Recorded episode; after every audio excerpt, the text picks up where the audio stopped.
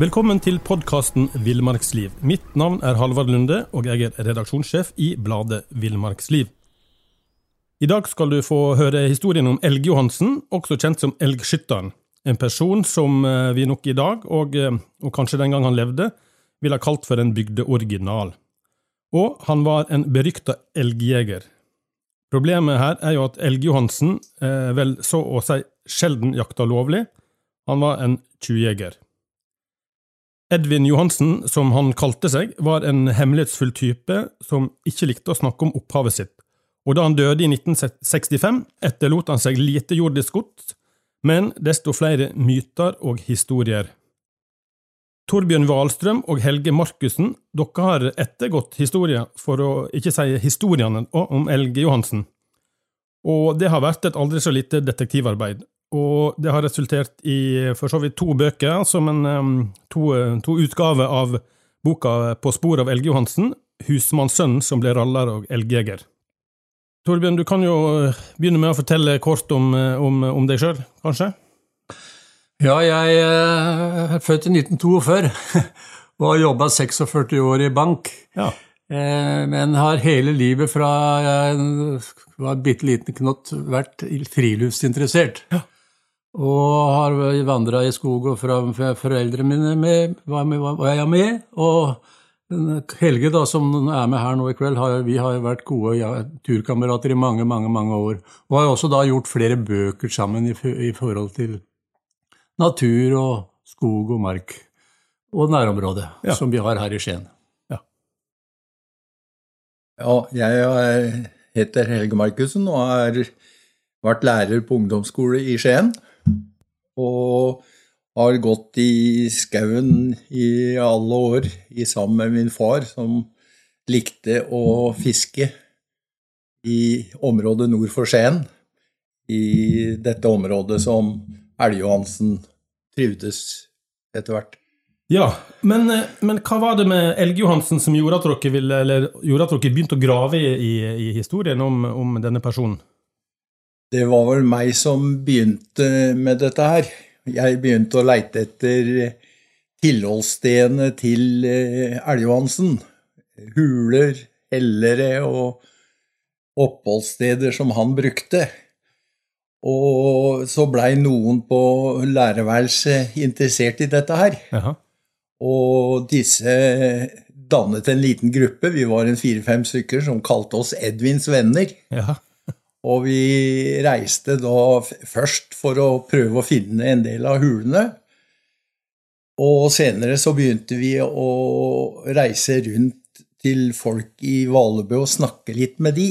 For han ene av disse fem som kalte oss Edvins venner, han var fra Valebø Ja. og kjente området veldig godt. Og da snakket vi veldig mye med jernbanefolk etter hvert.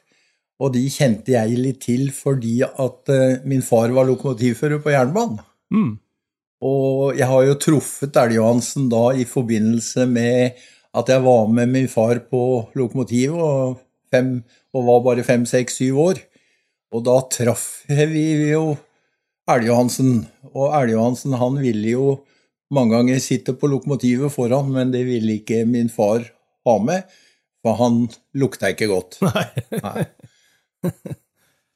Det var vel sånn det begynte. Og så kom eh, Torbjørn inn i bildet når det blei litt om, eh, om hans virke.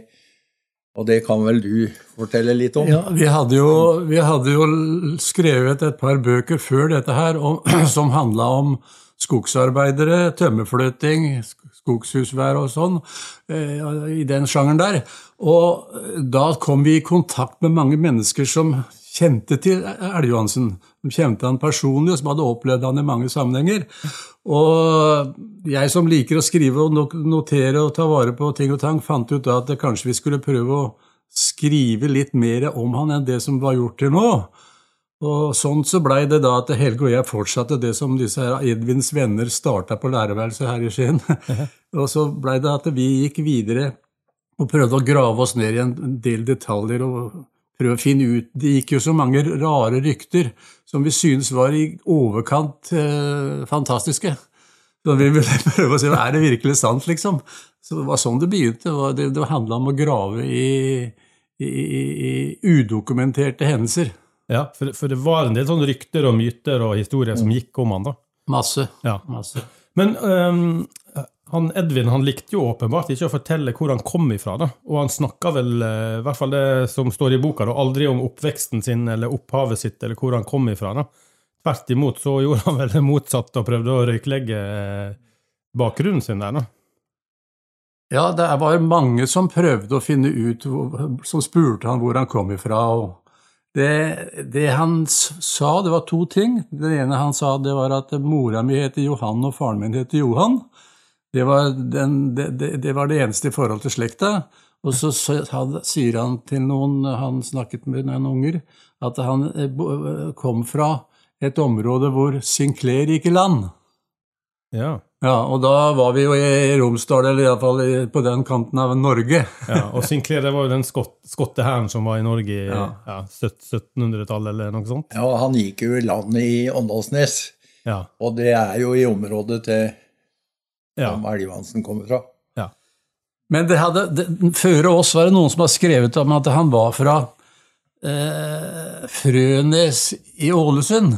Jaha. Og det fant vi jo fort ut at det er ikke for noen kommune som heter Frønes altså Frønes kommune i Ålesund, ble det sagt. Ja. Og, og det pirra jo nysgjerrigheten vår, da. Eh, og det var da vi liksom begynte å grave, når vi, fordi jeg, jeg tok for meg alle kommuner i Norge. ja. Og var det for å se om det var noe som heter Frønes. Men det var det ingen. Men det, jeg fant Fræna ja. i, i området som kun, kanskje kunne være. Og så bare ved en ren, skjær tilfeldighet, så, så, så ved å google litt sånn som vi gjør alle i dag, så traff jeg på ei dame som, heter, som, som dreiv og skrev bygdeboka for Fræna. ja. Og hun satt jo med alle opplysninger om alle mennesker der, fra folketellinger, kirkebøker, skoleprotokoller osv. Så, så der, da, der fikk vi eh, de første ordentlige ledetrådene for å jobbe videre mot et mot, Hvem var denne fyren, liksom? Ja. Og det, var, det var litt sånn, det var et, sånn, si, et gjennombrudd i forhold til nysgjerrighetsarbeidet vårt. ja. Og da fant dere ut hvor han faktisk eh, kom ifra, eller foreldrene kom ifra? Ja, og da, da reiste vi bort dit, da. Ja. Til Fræna. Og da fikk vi med oss eh, eh, lokalhistorikere. Som, var for, som vi hadde satt inn i, i litt i, i, Eller gitt litt informasjon i forkant. Og de kunne ta oss med inn i Malmedalen, til eh, denne her eh, husmannsplassen som han vokste opp på. Og kunne vise oss skole og litt sånn forskjellig, og da, da blei vi der noen dager.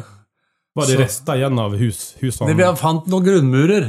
Ja, tuftene, rett og slett. Jeg husker ikke hva den plassen het. Nei, men den lå jo under eh, en, en gård. Ja. Eh, Så han var jo husmann-sønn, og far, mens hans faren da, han, han, han livnærte seg som snekker. De hadde jo ikke, Husmannsplassen var jo ikke noe å leve av, det var jo bare sånn småtteri. Men han var jo snekker da på en måte av yrke.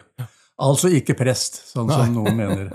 Og, og Malmedalen, det er for eh, Jeg måtte jo google litt jeg, på, på kart, og sånn, og det er jo litt nord for Molde. I, Ja. i det som het, var vel tidligere Fræna kommune, eller Frænene kommune. Frænen, ja. Ja. ja. Som nå er eh, Hustavik kommune, tror jeg det heter i dag. Det er blitt sånn Oi. sammenslåing. ja. Hey, I'm Ryan Reynolds. At Mint Mobile, we like to do the opposite of what Big Wireless does. They charge you a lot, we charge you a little. So naturally, when they announced they'd be raising their prices due to inflation, we decided to deflate our prices due to not hating you.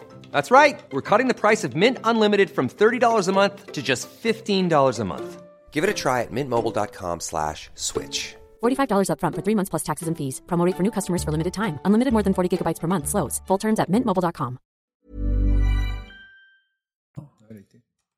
Der Men, lå- men ehm, han, valgte jo, han valgte jo tidlig å forlate familien, da. ja, han, Ja. Forsvant jo, han forsvant jo like etter konfirmasjon, vel? ja. Og ikke tegn til noe punkt fram til han døde, noen og 80 år gammel, så var han i nærheten av å ha kontakt med familien. Nei. Ikke fortalte han noen om noe, og Og det var først når vi begynte å grave, med god hjelp fra lokalhistorikere der borte, at vi da kunne neste opp den biten. Ja. Og så kan du spørre hvorfor, og det er et ubesvart spørsmål. Hvorfor han forsvant, hvorfor han aldri tok kontakt, det, det forstår vi ingenting av. Vi var litt heldige når vi kom bort til Malmedal, for de hadde jo akkurat eh, restaurert skolen som han gikk på der borte. Og der var det jo mye opplysninger om, om de som hadde gått på skolen, og karakterer og alt som var. Ja. Og, og vi benyttet det og fikk greie på ganske mye da. ja. Og vi satt jo på Når vi var der borte, så satt vi jo på pulten som han hadde sittet på der. Ja. Ja. Og dere fikk se karakterboka hans òg, stemmer ikke det? Eller? Jo, Ja, ja. Ja. vi fikk se den. Og det var greit? Ja. Nei, han hadde jo, For eksempel så har vi jo kirkeboka fra hele protokollen fra konfirmasjonen. Ja. Eh, og da sto han øverst på kirkegulvet. Hadde best karakter. ja. Husmannssønnen. Og det var vanligvis plassen reservert for de rike og Det var stor, storbøndene? Det var prestisjeplass å stå Ja. på. Ja, så han Men, har, eh, har vært Så han fikk best karakter av det kullet. Ja. Ja det er Så han hadde nok eh, hodet i orden. Så, Ja. Sånn sett det var bare spørsmål om å bruke det på en fornuftig måte. Han hadde vel evner over middels, iallfall. Ja, det, det kan det, ja. virke sånn. Men etter han forlot Malmedalen, da, så hadde, jo, så hadde han en veldig sånn omflakkende tilværelse. da. Hva, hva vet vi om den? Nei, Først så vet vi nesten lite etter, eh, etter 19, ja, 1900. Så har vi jo eh, lite om den. Vi har vel en bekreftelse på at han var med på Dunderdalsbanen. Ja. Han starta vel et, et, et slags Det er noen bl tomme, blanke sider her. Men når han, eh, fra han begynte på Dunderdalsbanen, altså som anleggsarbeider, slusk, så kan vi følge den til grava. Ja. Med dokumentert Og Dunderdalsbanen, har vi et årstall på den, eller? Nei, det vet jeg ikke. Det husker jeg ikke nå. Ja. Ja. 1904? Men han, han reiste jo på alle mulige sånne eh, sånn slusk. Men da var han rett og slett eh, ja, anleggsarbeider, da, det som kalte raller. raller, ja. Men så endte han jo opp i Og han jobba også på, på Bergensbanen. Stemmer ikke det? Som raller? Nei, han var, Nei, det vet jeg ikke. Sørlandsbanen var det vel? Sørlandsbanen, Sørlandsbanen var han på. Og så var han på Rjukanbanen og Rjukan. Hydroanlegget. Hydroanlegget Ja, okay. på. Rjukan var han på. Ja. Og, og så enda han jo opp i Valebø. Ja, han kom vel til Valebø rundt 1915.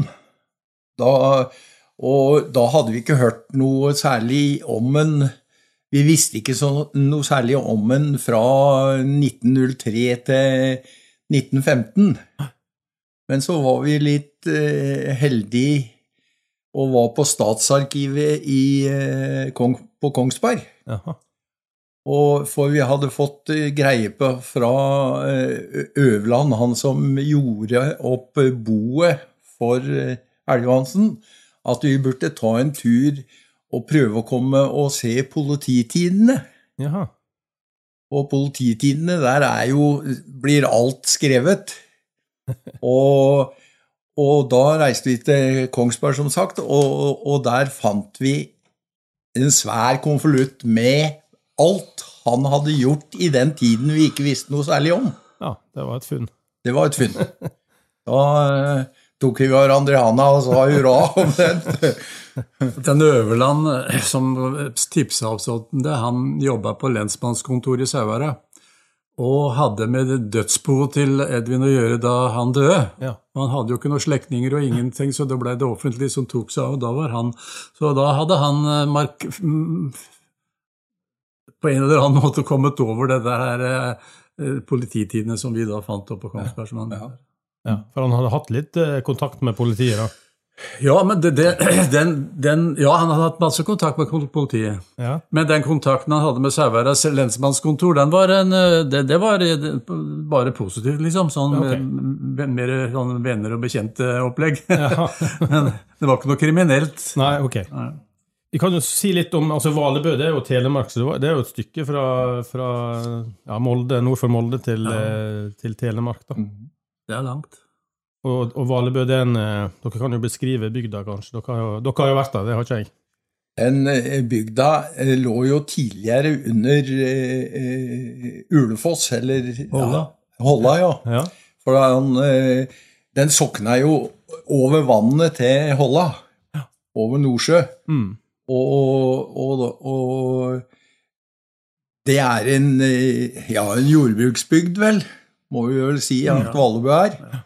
Men de grenser jo opp til store skauområder eh, nord for Skien. Og så kom en inn under Skien senere, da. Gjerpen først, og Skien senere.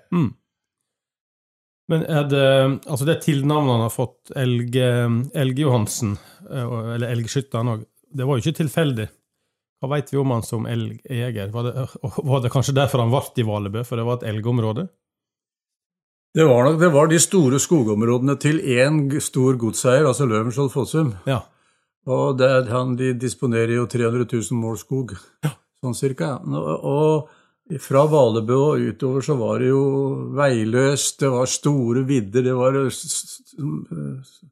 marker liksom for både en og det andre. Den gangen så var det jo ikke så stor elgbestand. Nei. Så, så det, han, han har nok litt blitt tillagt litt mer om denne elgskytinga enn hva han egentlig gjorde.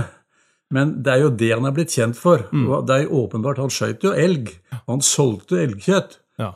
Og han blei tatt og var i, i, i retten og fikk, blei dømt og ble fritatt andre ganger. Så, så han har absolutt en, en fortid i forhold til jakta som sådan, men den var nok ikke så veldig som, han, som den er blitt i ettertid i ja, historiefortellerne. Nei. His, historien har vokst som, som sånne jakthistorier ofte kanskje gjør, over tid. Det er nok eh, en del overdrivelser når det gjelder antall elg og sånn, tror jeg. Men eh, i boka så skriver dere òg om et litt sånn sinnsrikt system da, for distribusjon og salg av dette elgkjøttet. Du nevnte jo at faren din jobba i jernbanen, og de, eller NSB var jo involvert her. da. Ja, og så Han har arbeidet for jernbanen når eh, Brassbergbanen ble bygd fra 1913 til 17. Ja, Edvin. Edvin. Ja. Og da var han eh, slusk på jernbanen. Og eh, han hadde jo tilknytning da til jernbanefolket etter hvert. Ja. Og distribusjon langs eh, jernbanelinja er jo ganske effektiv. Så eh, en del elgkjøtt gikk nok til jernbanefolk. ja. For han, hadde, han hadde, var jo godt, godt kjent langs jernbanen, så han hadde huler og, og plasser han kunne oppbevare dette kjøttet da, til han fikk sendt det videre. Ja, hvis vi skal si litt om hulene, så var jo Det var noen få huler som man kunne overnatte i, hadde om i og sånn. Ja. Og så hadde han huler som kanskje eh, han eh, var i bare på dagtid. Og så hadde han en del huler som eh, han oppbevarte kjøtt i. Ja. ja, for det er jo funnet flaske, altså glassflasker med salt, grovsalt. Ja. Ja. Så han salta ned kjøttet og hang det opp i de hulene. Og han, vi har eksempler på at han eh, sa fra til jernbanefolk at de kunne hente kjøttet der og der, Ja. Og mot å, å betale for det, da. ja. Ja. For da slapp han å overlevere det personlig, da kanskje, at det Ja, i tilfelle blir tatt. lovens lange arm skulle finne ut av det. Du vi snakker om saltflaskene, så finnes jo de en del av fortsatt. Så det, det, det ligger mange saltflasker rundt i hulene som folk eh, Mye har blitt stjålet og blitt ødelagt, men mye ligger igjen ennå. Så, så den biten er iallfall udiskutabelt at jeg hadde inn mengder av. Ja, En får kanskje oppfordre de som besøker hulen og leter etter hulen, at de lar ting ligge, i- ligge i fred. da. Ja, Det er det vi prøver på å håpe på, som vi anmoder alle om. Og det tror jeg folk er blitt flinke etter hvert, men det er noen som må ødelegge. da. Mm.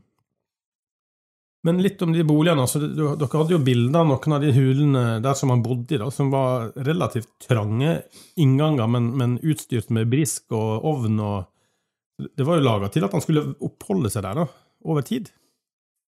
Ja, Det var vel ikke mange dagene han oppholdt seg der. En to-tre dager, for han hadde jo overnattingssted rundt omkring i bygda i Valebø. Ja. Og de hulene var jo veldig trange. ja. Vi har problemer med å komme inn i de. Ja.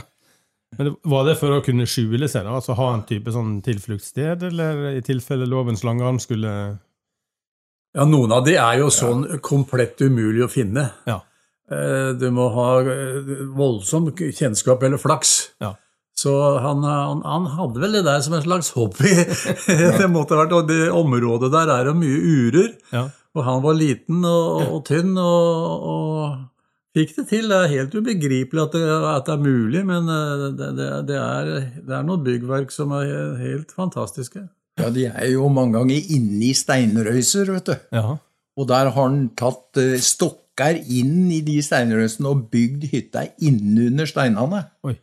Så det er ganske fint gjort, altså. Ja, han var, måtte være et geni i forhold til å finne fram til, til sånne emner. ja. Ja. Men du nevnte jo at han hadde jo andre tilholdssteder òg. Altså, han bodde jo ikke i hulene året rundt. Eh, Men selv om han liksom var på en måte både berykta som kanskje en tjuvjeger og en litt sånn bygdeoriginal, så var han jo velkommen veldig mange plasser. da. Ja, men han, han eh, eh, Han eh, bodde jo på låver og mange steder Ja. som han Han var jo venner med folk i Vallebø, Valebø, Ja. og de godtok han sånn han var. Og, og derfor kunne han få lov til å overnatte på låver, uthus, hvor som helst, men han ville aldri inn og ligge inne. Nei. Eh, Han hadde jo gjennom åra lange perioder med, med, med permanente bosteder i Valebø. Ja. Eh, er- en, et sted hvor han bodde lenge, det var jo en av de arbeidsbrakkene fra jernbanetida, eller fra anleggstida, på Mm. Bratsvabanen. Der bodde han i mange år. Og på Valebø mølle var det, så hadde mølleren et sånn lite rom som han av og til overnatta på når han malte om natta. Det var på to ganger to meter. Der bodde han i mange år. ja. Så han, han bodde holdt på å si, Jeg kan vel ikke si det var spesielt sivilisert, men det var ikke hulebord han var. Nei, han hadde tak over hodet. altså. Ja, ja. Og så var det sånn at i de store skogområdene så var det jo mange gamle sånne skogskoier Mm. som sto åpne og tomme, og, og der tok han seg til rette og kunne bo i periodevis. Så det var nok ikke sånn hulebord han var i den forstand, men han- det måtte vært en hobby. Det var jo veldig mange skogshusvær vet du, rundt Ja. i dette skogsområdet. Ja. Og, og mange av disse hyttene blei jo brukt av hoggere bare perioder. Og så brukte han de andre perioder. Var det ting som han bare tok seg til rette på Ja, da, eller? ja, ja. ja. Han. Spurte Han aldri. han spurte aldri noen annen, tror jeg. Men, Vi har jo kalt han for en, en bygdeoriginal, men han, eh, altså det var, han var jo ikke mentalt forstyrra på noen måte. Eh, men han likte vel kanskje ofte å fremstille seg som mer rar enn han egentlig var. Altså Han leste jo avisa opp ned, blant annet, og litt sånne ting. da. Han var jo en skuespiller av rang, vet du. Og, og huska alt han hadde gjort i alle de åra han var der oppe, fra dag én. Han, kom, han fortalte aldri en historie på, med to variasjoner. Han var helt, eh, han var helt på, på Huska huska allting. Så Jeg har en historie som jeg husker fra boka. Han satt vel inne på En var vel på et kjøkken. Ja. Der han satt og leste aviser, og så, og så kom det noen utenfra. Da, og da, da leste han avisa opp ned plutselig. Eller, ja. Ja, skulle han være litt original, Ja. vet du. Og på, og på jernbanen hadde jo noen folk sett han sitte og lese avisa når avisa var opp ned. Altså. Ja. Og da reiste han seg opp og sa det måtte vært moro å kunne lese, du. sa han, helt sånn. Men han begynte jo med å spille teater som, eh, i, da han skulle i militæret. Jaha. For da slapp han pga. dårlig syn. Ja.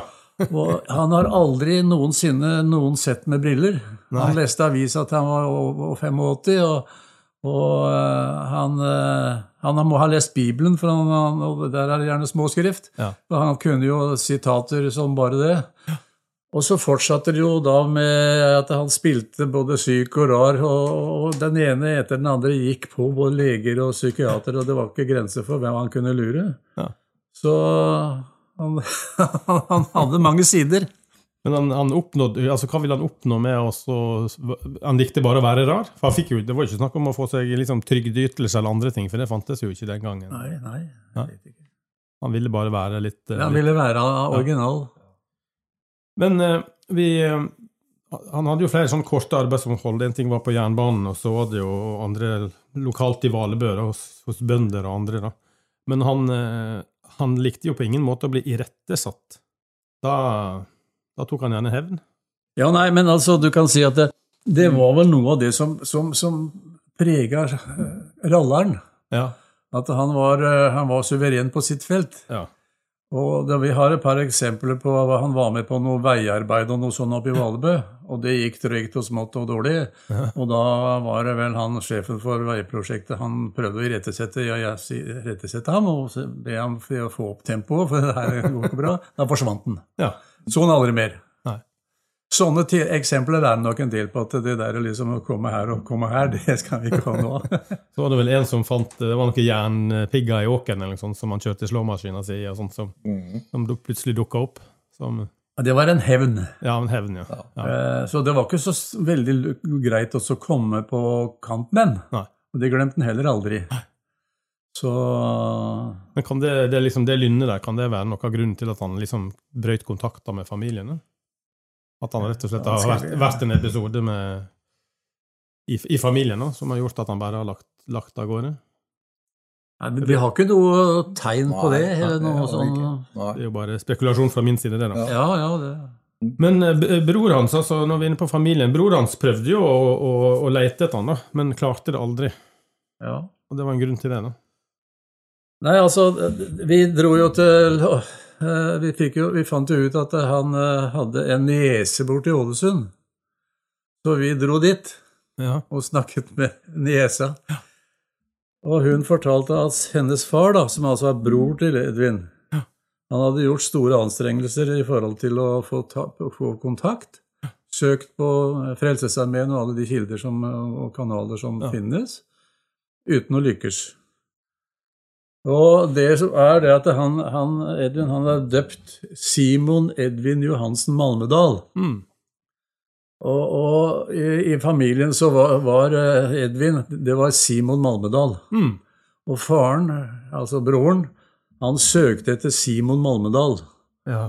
Eh, Og, og, og, Og fant. Det fant ikke. Han eksisterte jo ikke. Nei. Og det var jo sleipt, men det var jo ikke noe, han gjorde ikke noe gærent der. Nei, han hadde bare tatt deler av navnet sitt. Han Ja, har ja. gått videre med, så Han hadde tatt de to midtnavnene som Ja. aldri blei brukt. I familien. Ja. Men han, vi var inne på Edvin, han var jo ikke noen stor kar. Jeg har notert ned her at han var 1,60 høy og 59 kilo. Men han var jo åpenbart i veldig god form, da, også i, i høy alder. da. ja. Han har vel levd i naturen, vet du. Ja, Han gjorde det. Kjøttbasert diett. Det er jo feil i dag, men Bratte, bratte lier og ja. Ja, når du ser de hyttene eller eh, stedene han var, så skal du være ganske eh, frisk altså for å komme inn i de hulene og komme i og klatre i disse steinrøysene. ja. Og- Og det, det, han beveger seg ofte om natta, står det i boka òg, da.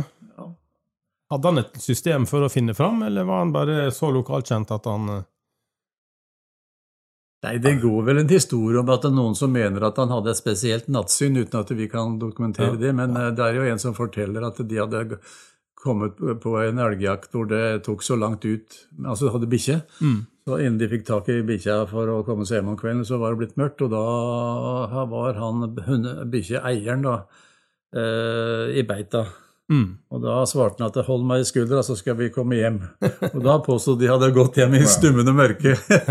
Det, er, det kan jo være en sånn eh, bløffhistorie, det, men det, det er det vi har lest og hørt, eller det vi har hørt fra folk si, da. Men han er, er jo veldig godt kjent i det området han eh, travet rundt, da.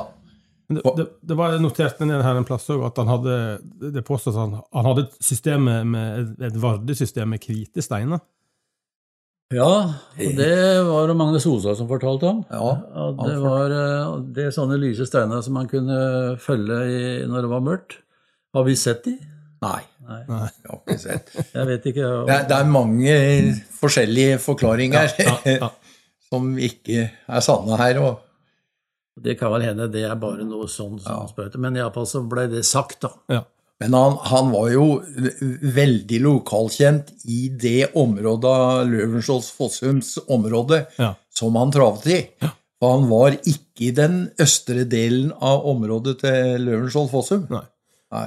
For han valgte det fordi det var én grunneier, da, så det var lett, og et stort område. Da, så det var få som, få som ville bry seg. da. Det var en av grunnene, tror jeg. ja. Ja. Men eh, vi snakket om han ikke ville bo inne, og det var kanskje folk ikke ville la han bo inne heller, for den personlige hygienen hans var jo ikke på, på, da, på dagens nivå, for å si det sånn. Heller ikke datidens nivå. Nei, det var nok langt unna det. Ja. Vi, vi har jo et godt eksempel på Han jobba på en gård i Vallebø.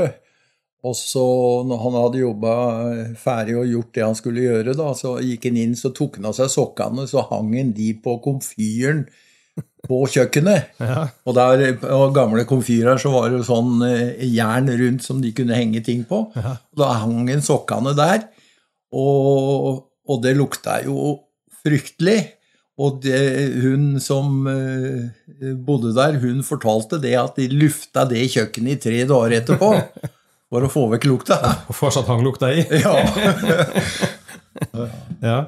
Nei, det står, jo, det står jo mange historier om den med, med disse sure sokkene og, Ja. og sånt. da. Og, og dere skriver jo litt om utseendet hans. Han så at han hadde en sterk kropp, men ikke var særlig vakker. da. Han skremte vel noen sånn tjenestejente i noen fjøs av og til da han plutselig dukka opp og Ja da. Han, han var jo en liten og tynn og skranten og, og, og klevd spesielt, vet du. For han hadde jo ikke Han kjøpte sikkert aldri et plagg. Mye av det som han gikk med, det var gamle militærklær. mm.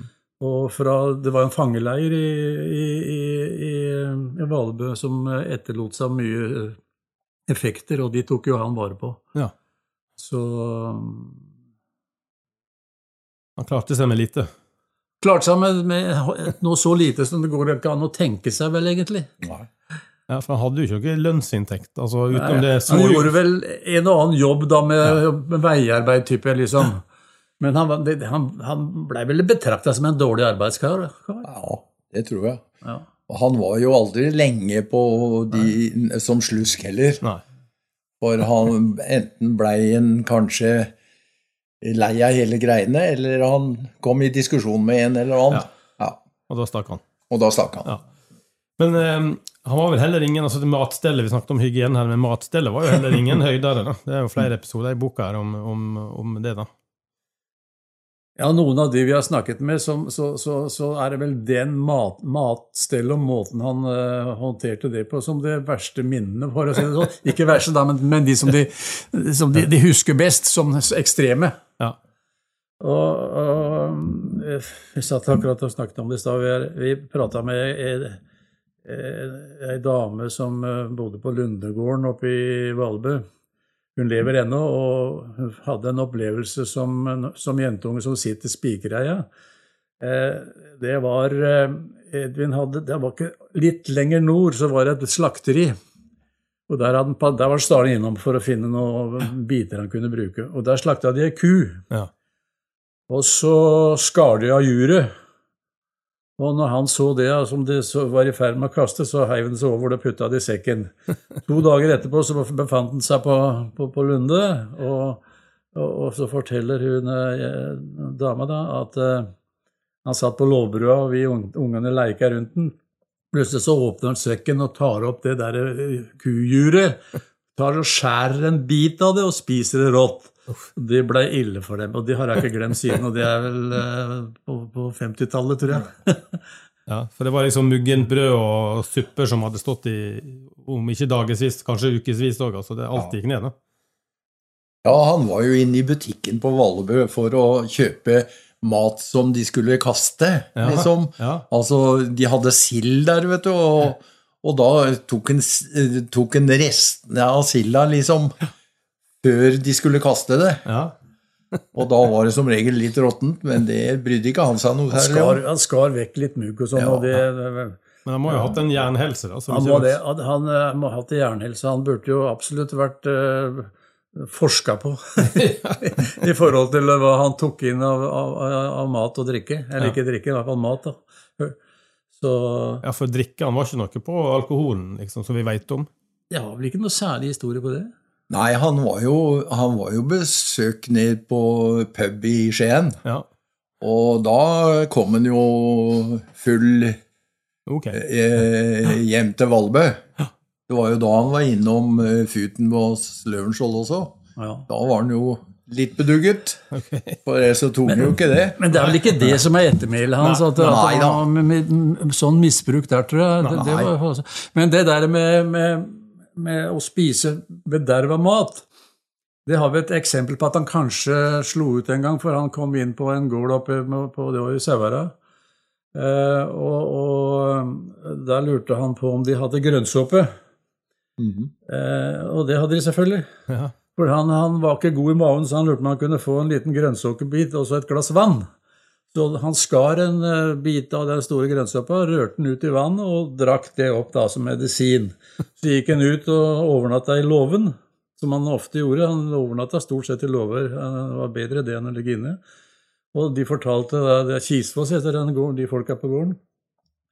De var ute neste morgen tidlig da for å se etter han om han, levde, liksom. For de syntes det her var så fælt. Det skumma rundt munnen da han svelga det. Men da var han vekk, så han hadde antagelig fått ordna med en eh, effektiv kur, han. Ja. Grønnsåpe og vann. Men vi var jo innom eh, politiet. Han var jo i politiets søkelys et par ganger. da. Ja, det var han jo. Og hadde litt problemer med politiet noen ganger, da. Og det mest kjente var jo innbruddet han gjorde i Heimevernets eller i Forsvarets eh, huser i Hokksund. Ja. Ja. Og der stjal han jo 30 revolverer. ja. Og det er jo ikke hvem som helst som gjør. Nei. Og, og det blei jo en voldsom sak av dette Mm. her. Ja. Men da, det, det, hvis jeg husker det riktig, det tok en stund før de fant ut av det innbruddet. For det, han Ja. hadde rydda opp etter seg når han eh, gikk ut gjennom han. Ja. Men måtte han sone for det tyveriet, eller?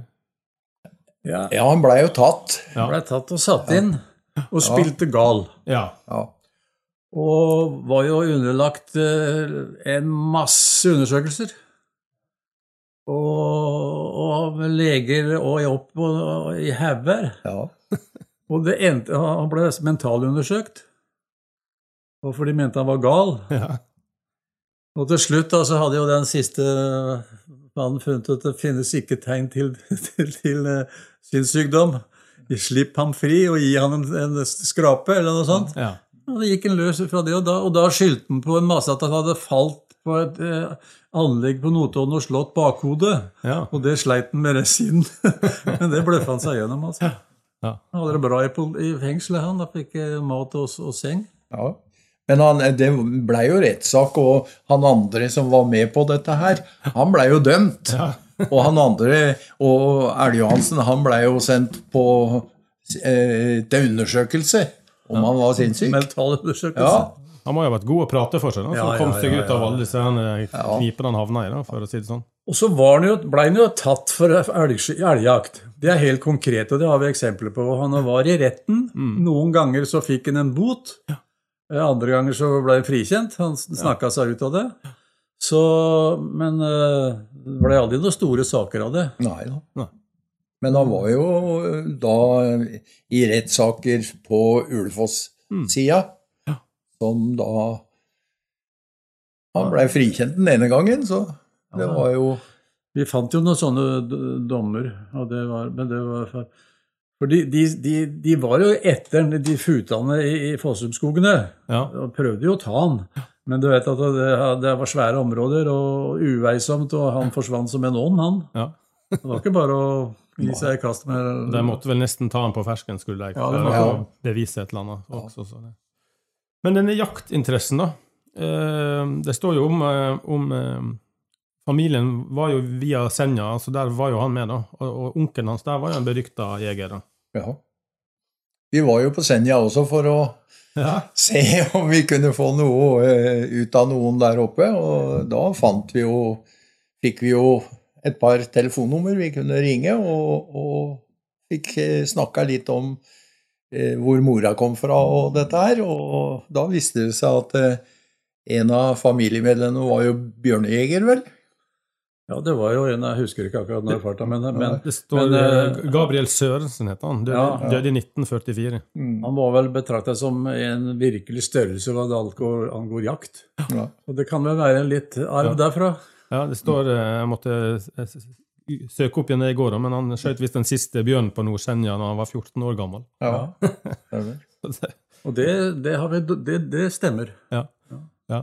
Og, og, og Elge Johansen han var jo også veldig interessert i våpen, så han var jo en slags våpensamler, eh, står det i boka.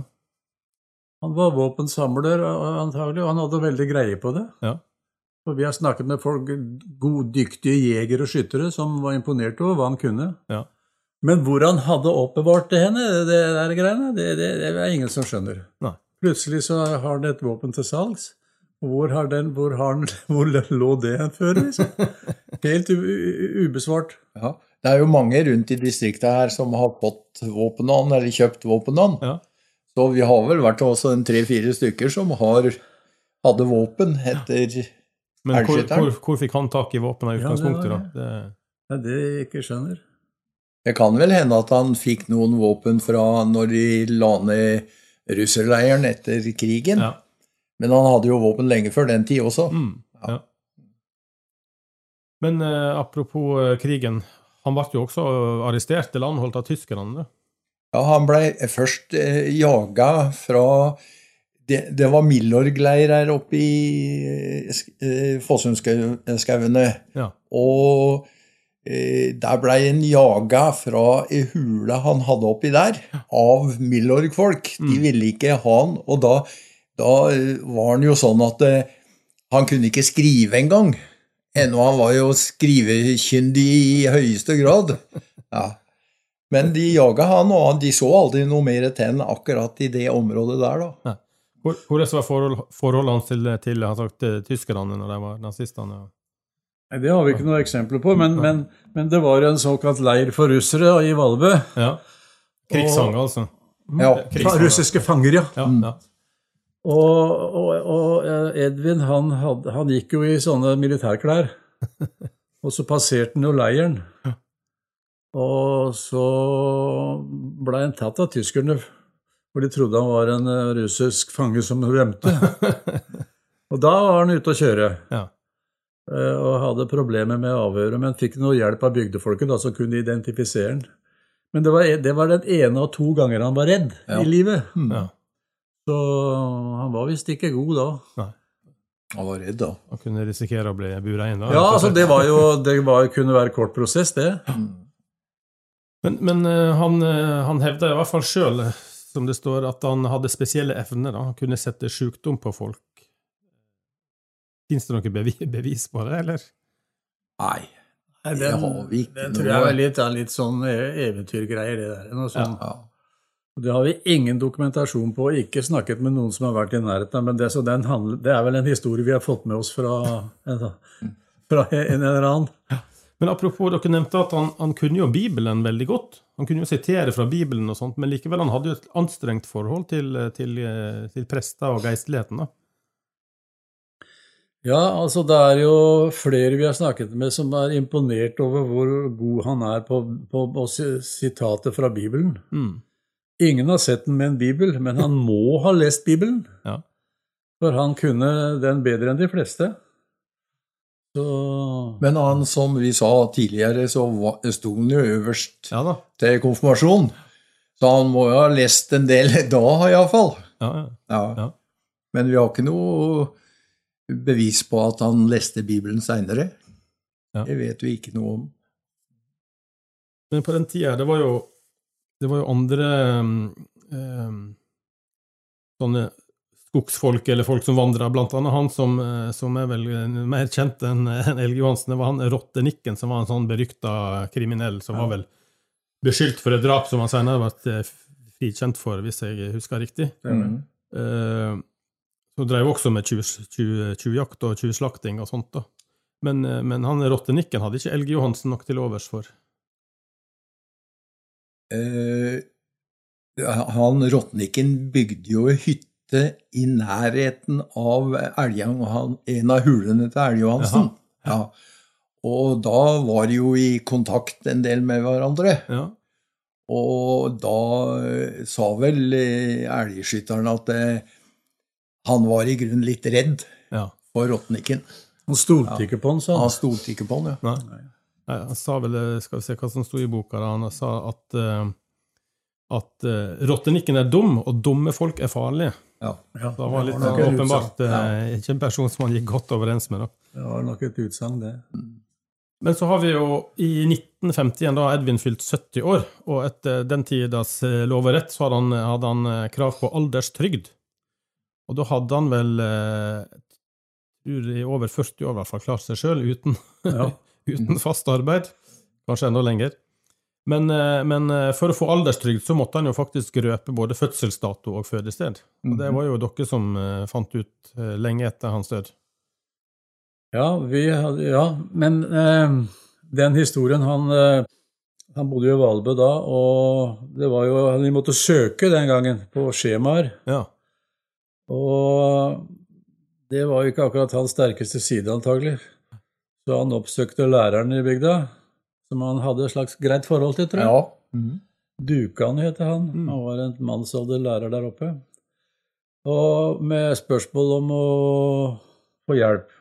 Og de tok satte seg på kontoret til Dukan, og, og så, så begynner det jo med det at de har ha fullt navn og fødselsdato og fødested og alt det der. Ja.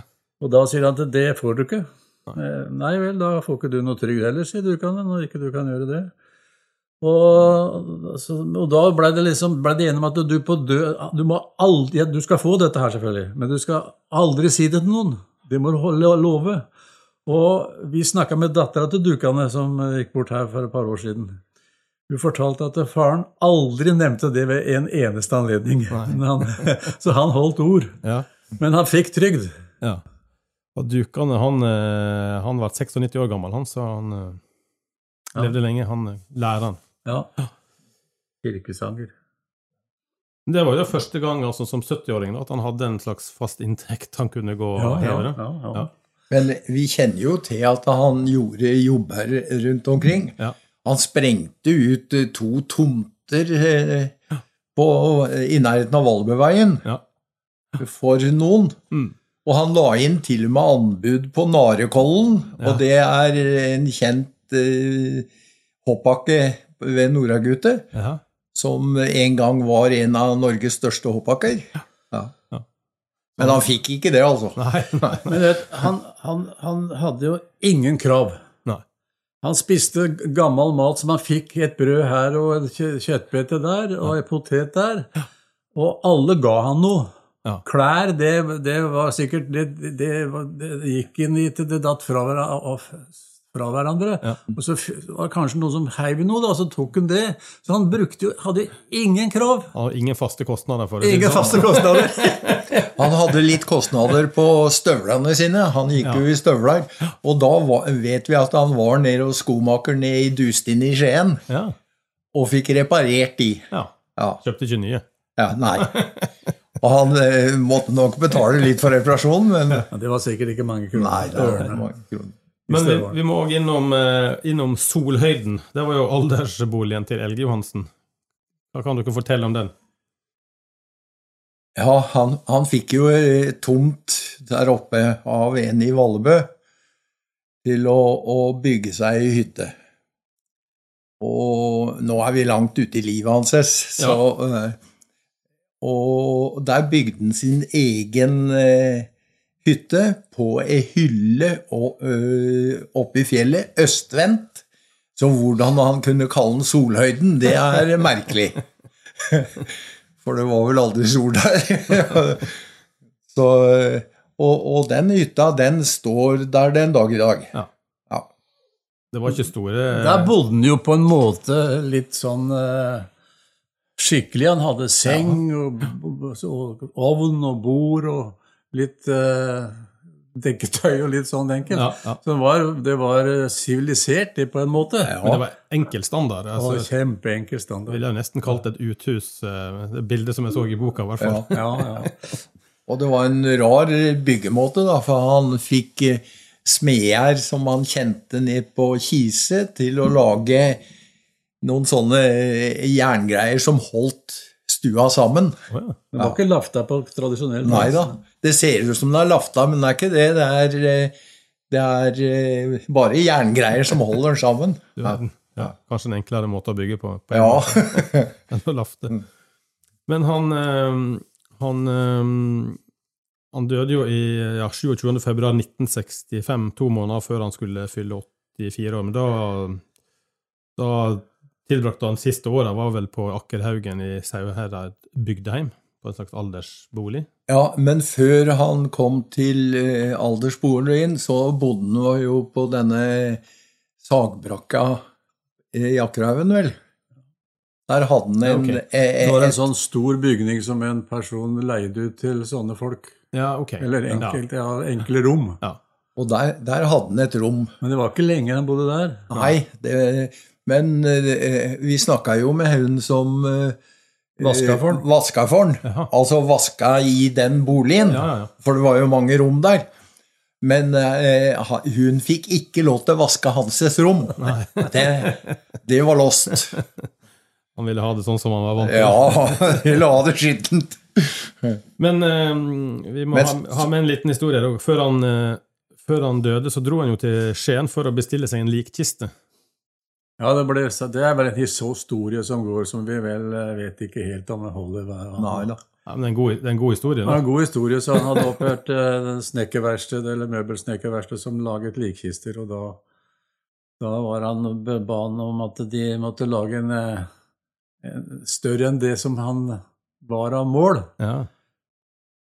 Hva var han sa da? At når det, Det var en liten mann, men han var Nei, var den historien? Det var vel at han, det er ingen som veit hvor stor den er før etter ens død. ja, det var det han sånn, sa, et eller annet ja, sånt, ja, da. sånn han sa. Så det var litt morsomt, det, da. Det er en sånn eh, artig innspill. Men han var jo syk en gang, ordentlig syk en gang, da. Ja. Som han fikk en betennelse oppi eh, skuldra, eller oppi nakken. Nakken. ja. Ja.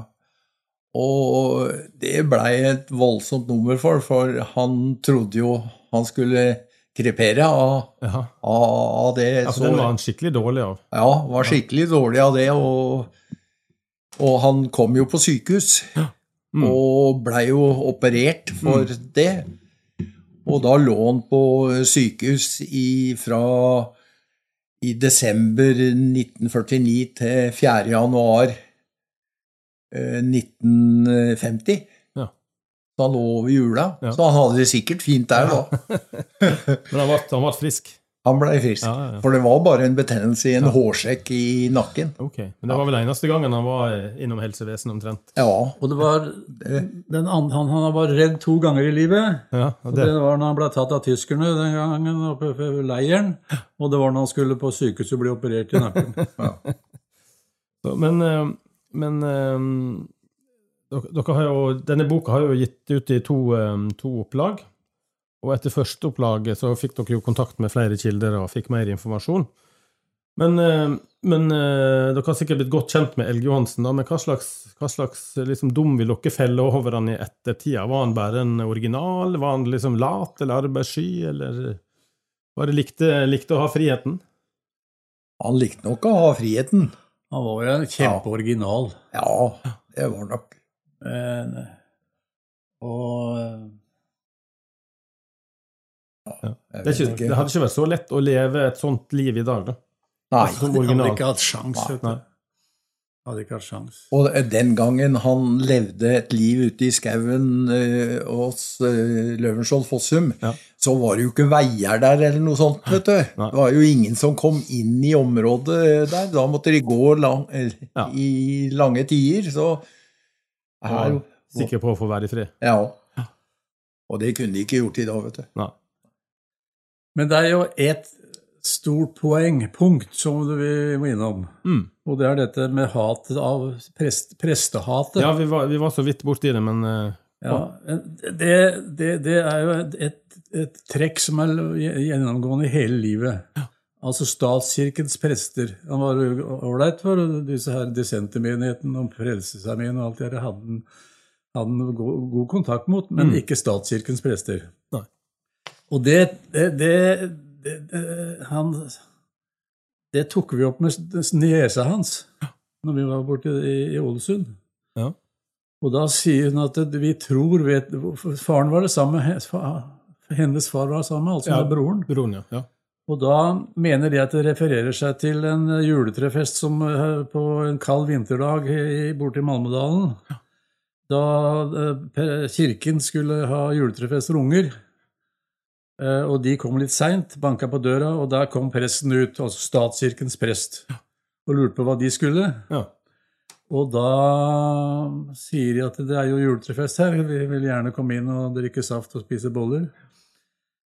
Og da svarer denne presten at det er sånne folk som dere kan vi ikke ha inn i dette huset. Nei. Så gikk de hjem da den lange, kalde veien eh, til husmannsstua og lova hverandre at de aldri mer i sitt liv skulle sette sine bein i en kirke hvor en statskirkeprest Mm. hadde tilhold. Og så sier hun eh, niesa at eh, det holdt far hele livet ut.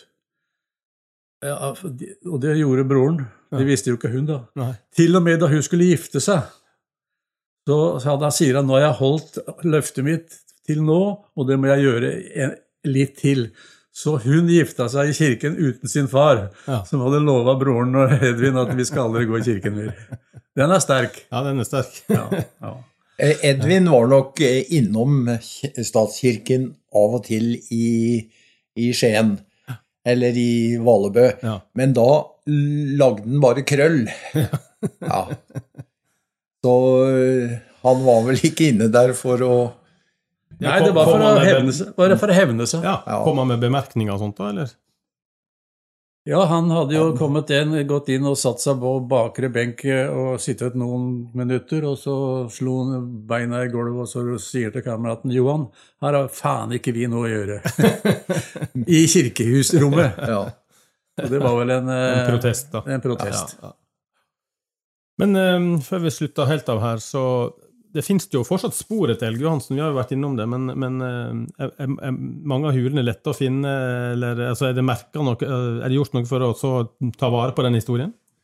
Nei, eh, det er ikke merket noe av disse her. Eneste vi har laga et kart i den boka, men det er bare sånn oversiktskart, og der er det merka 20-25 steder som, eh, som eh, det kan eh, se det sånn noenlunde. Men ellers så er det ikke en merka. Men eh, det har vært en uheldighet med den ene hytta som er, var veldig fin. Mm. Fordi at det der har det vært noen inni etterpå og fyra i den ommen, og så har de brent ned, Uff. tatt fyr i Ja. hele det treverket som han hadde inni der. Ja. Så den er bare helt svart innvendig nå. Rett og slett brent opp, ja. Det Ja, er synd. sånn er litt synd. Men, men veit du om en har funnet alle hulene? Nei, Det tror vi ikke. det tror vi ikke. Er, han har sa til en som han kjente veldig godt og var tillitsfull overfor, han, eh, han sa til han at eh, den fineste hula, den har du aldri funnet. Nei. Så det går på byen, vet du. At, ja. Det er bare ut, ut og begynne å leite. Ja. Men hvis du rusler rundt i den der marka, så vil du finne noen, eh, etter, kan du finne noen eh, etterlatenskaper. Fordi han var eh, kronisk interessert i å samle tyri. Ja. Det er jo mye oppi de furuskogene der. Og så Du finner små heller og litt sånn forskjellig, og da kan det ligge tyri etter Elgehansen. Ja. Og da kan det hende det er hull i nærheten òg. Sånn han samla på ved. ja, det er tegn på at det er hule etter han. Hvis Ja. du finner et tyrilager i nærheten, da er du på rett spor. Bra tips. Men eh, da skal vi runde av, og da er det jo selvfølgelig bare å anbefale boka 'På sporet av Elge Johansen', 'Husmannssønnen som ble raller og elgjeger', som da er signert av Torbjørn Wahlstrøm og Helge Markussen. Og den eh, får du garantert om du spør hos din lokale bokhandler. Der kan du sikkert bestille den, og, eller google, så finner du den på nett. Og vil du ha flere gode historier her i podkasten Villmarksliv, så setter vi pris på om du abonnerer på bladet Villmarksliv, jakt og eller alt om fiske, gjerne alle tre, og gi oss en god karakter, og følg oss der du lytter. Sjekk gjerne innom podkasten villmarksliv.no også. Og da gjenstår det i grunnen bare å si tusen takk for praten.